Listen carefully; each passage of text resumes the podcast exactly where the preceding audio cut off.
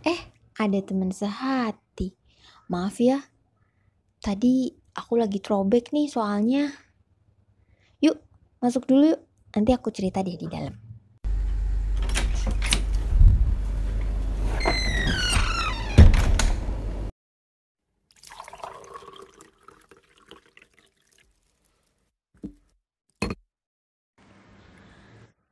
Um, jadi gini, tadi tuh aku lagi throwback nih teman sehati ke masa di mana aku menjadi seorang pengganti.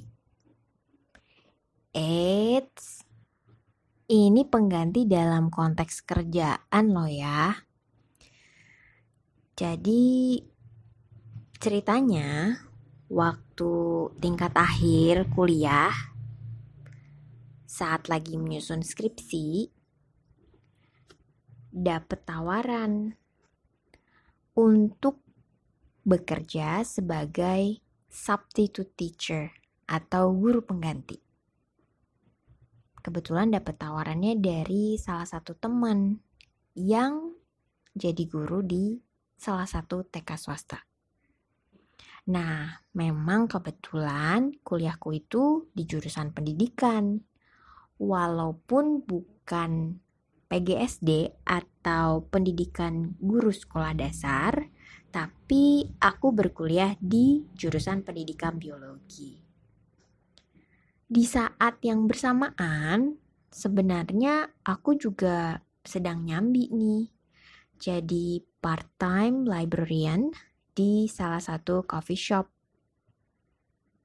Tapi aku pikir, aku pikir-pikir lagi nih ya, selama aku bisa bagi waktu dan bisa bantu-bantu keluarga, terus bisa bayar kuliah sendiri, karena aku bekerja, ya why not? Jadi akhirnya aku apply ke sana.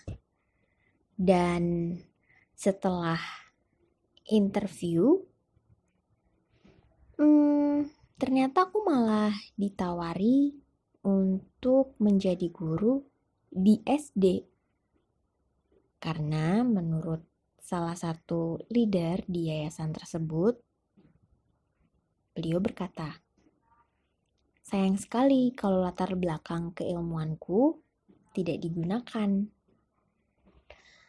Ya, jadilah aku substitute teacher untuk mata pelajaran IPA dan sebagai asisten guru utama mata pelajaran IPA. Dari kelas 1 sampai kelas 6. Wah, Sebenarnya ini adalah fase di mana aku belajar banyak sekali hal-hal baru dan bertemu dengan anak-anak pastinya. Dididik dengan banyak proses, mengalami dan selalu belajar hal-hal baru setiap harinya, bahkan belajar dari anak-anak sendiri dan aku bersyukur untuk proses itu.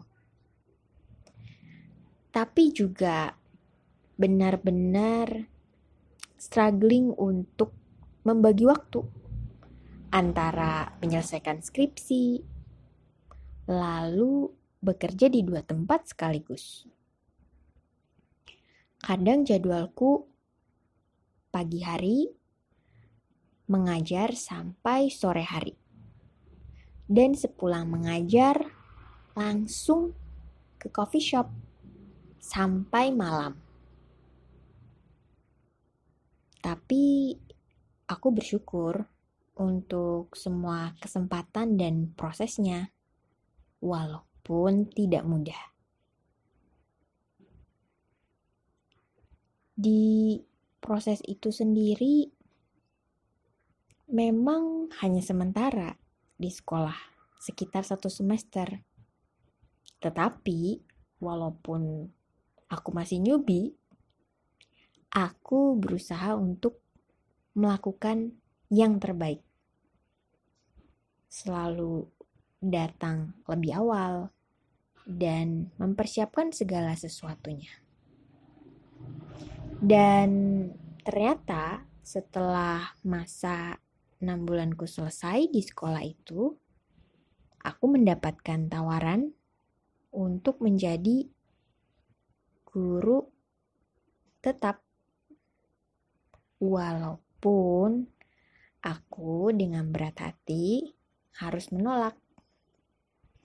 Uh, pertimbangannya gini, saat itu kan sebenarnya statusku masih mahasiswa dan masih menyusun skripsi.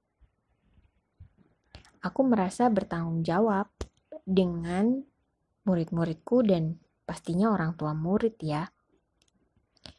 Kita harus menyelesaikan studi terlebih dahulu. Jadi, akhirnya aku tidak melanjutkan di sekolah tersebut dan menyelesaikan skripsi. Dua bulan kemudian, aku lulus kuliah. Lalu setelah lulus, aku mendapatkan tawaran untuk mengajar di tempat yang jauh lebih baik daripada sebelumnya. Nah, kalau teman sehati, bagaimana?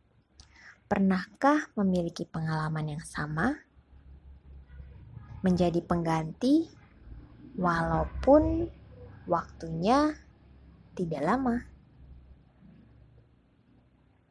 Tapi sebenarnya menjadi pengganti itu tidak selalu tentang untung dan rugi, tetapi tentang bagaimana melatih diri untuk tetap memaksimalkan potensi dengan sepenuh hati kini hingga nanti. Terima kasih ya teman-teman udah dengerin ceritaku hari ini. Besok kita ketemu lagi ya.